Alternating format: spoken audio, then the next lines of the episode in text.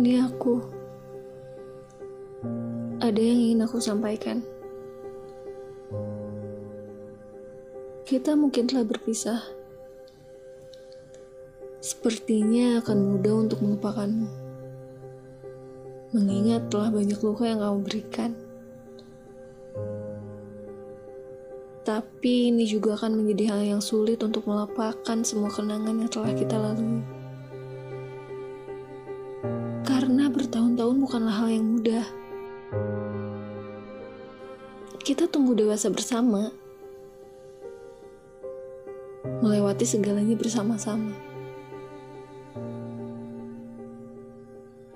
Di saat aku benar-benar butuh bantuan, kamu selalu ada. Dan pastinya aku bersyukur akan hal itu.